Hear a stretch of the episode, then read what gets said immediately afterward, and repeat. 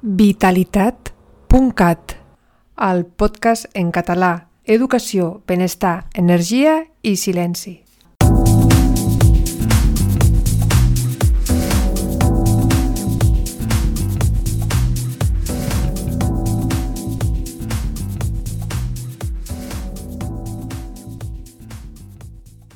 Hola, què tal? Com estàs? Soc Pilar Soro. Espero que estiguis molt bé. Tinc moltes coses que explicar-te, per mi interessants, però vull continuar de moment amb la mateixa línia de benestar i salut. Ja saps que aquest podcast va d'educació, benestar, salut i silenci. Silenci és quelcom que necessitem per evolucionar. El silenci em refereixo al diàleg intern, a la manera que tenim de pensar i de parlar-nos a nosaltres mateix, que això és el que ha de disminuir. Per això tenim aquestes tècniques tan fabuloses que ens ajuden a aconseguir això. Hi ha una tècnica, més que tècnica, és quelcom que hauríem de fer cada dia, que és caminar. Caminar és quelcom importantíssim per a la nostra salut. De fet, hauríem de caminar unes 10.000 passes, segons la OMS, però mmm, pràcticament eh, la mitjana caminem no arriba ni a 5.000. Personalment, jo intento fer aquestes passes, però no arribo gairebé mai als 10.000. Sí que arribo als 5.000, intento arribar-hi cada dia. I què és d'important que això es pogués fer a l'escola? Hi ha escoles a Alemanya, les escoles del bosc, alguna també al nostre país, on els nens passen tot el temps a l'aire lliure. Aquest tema m'interessa moltíssim perquè en la societat que estem visquent ara jo crec que el que menys necessiten els nens és que passin tantes hores asseguts. Ja hem parlat d'aquest tema, no? Però penso que és quelcom que fem molt malament, la veritat. No pot ser que els nens entrin pel matí a l'escola i s'asseguin. Els nens necessiten moure's.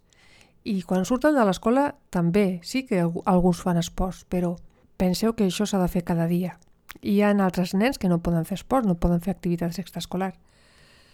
Jo penso que el temps que passen a l'escola, temps haurien de dedicar-se a fer més activitat física, més temps de pati i les tardes també més activitat física. Sí, potser penseu que és massa, però no. Eh, jo penso com, com en Rousseau.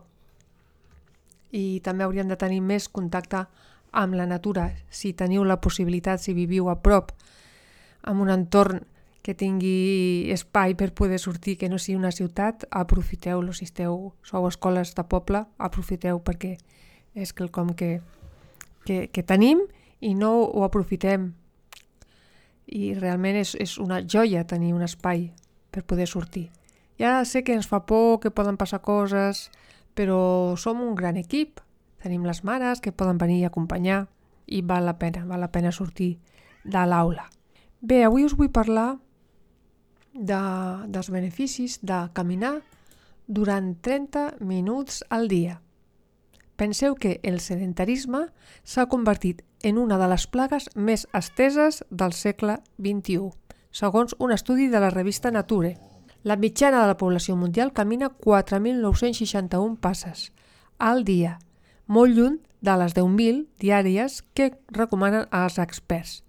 I és una pena perquè caminar és, sens dubte, una de les, dels millors exercicis que existeixen per millorar la nostra salut d'una forma senzilla i econòmica. Els experts recomanen caminar entre, entre 30 i 60 minuts cada dia, entre 3 i 5 dies a la setmana. Encara que els beneficis de caminar es comencen a notar fins i tot als 20 minuts.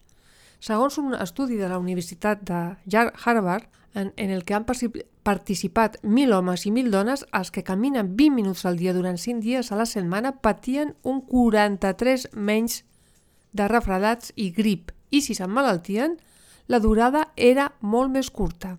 Més enllà d'augmentar la funció immune, aquests són, segons la Universitat de Harvard, alguns dels beneficis de caminar.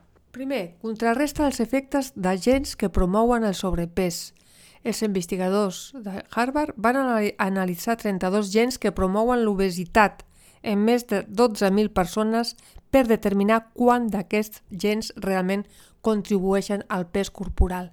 van descobrir que entre els participants de l'estudi que caminaven enèrgicament durant aproximadament una hora al dia, els efectes d'aquests gens es van reduir a la meitat. 2. Redueix el risc de desenvolupar càncer de mama. Els investigadors ja saben que qualsevol tipus d'activitat física mitiga el risc de càncer de mama, però un estudi de la Societat Nord-Americana del Càncer, que es va centrar en caminar, va descobrir que les dones que caminaven 7 o més hores a la setmana tenien un risc en un 14% menor de càncer de mama que aquelles que caminaven 3 hores o menys a la setmana. Caminar va proporcionar aquesta protecció fins i tot a les dones amb factors de risc de càncer de mama, com ara el sobrepès i l'ús d'hormones complementàries.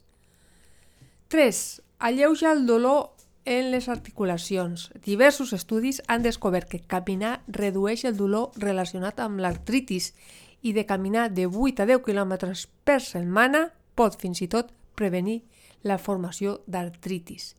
Caminar protegeix les articulacions, especialment el genoll i els malucs, que són les més susceptibles d'emmalaltir.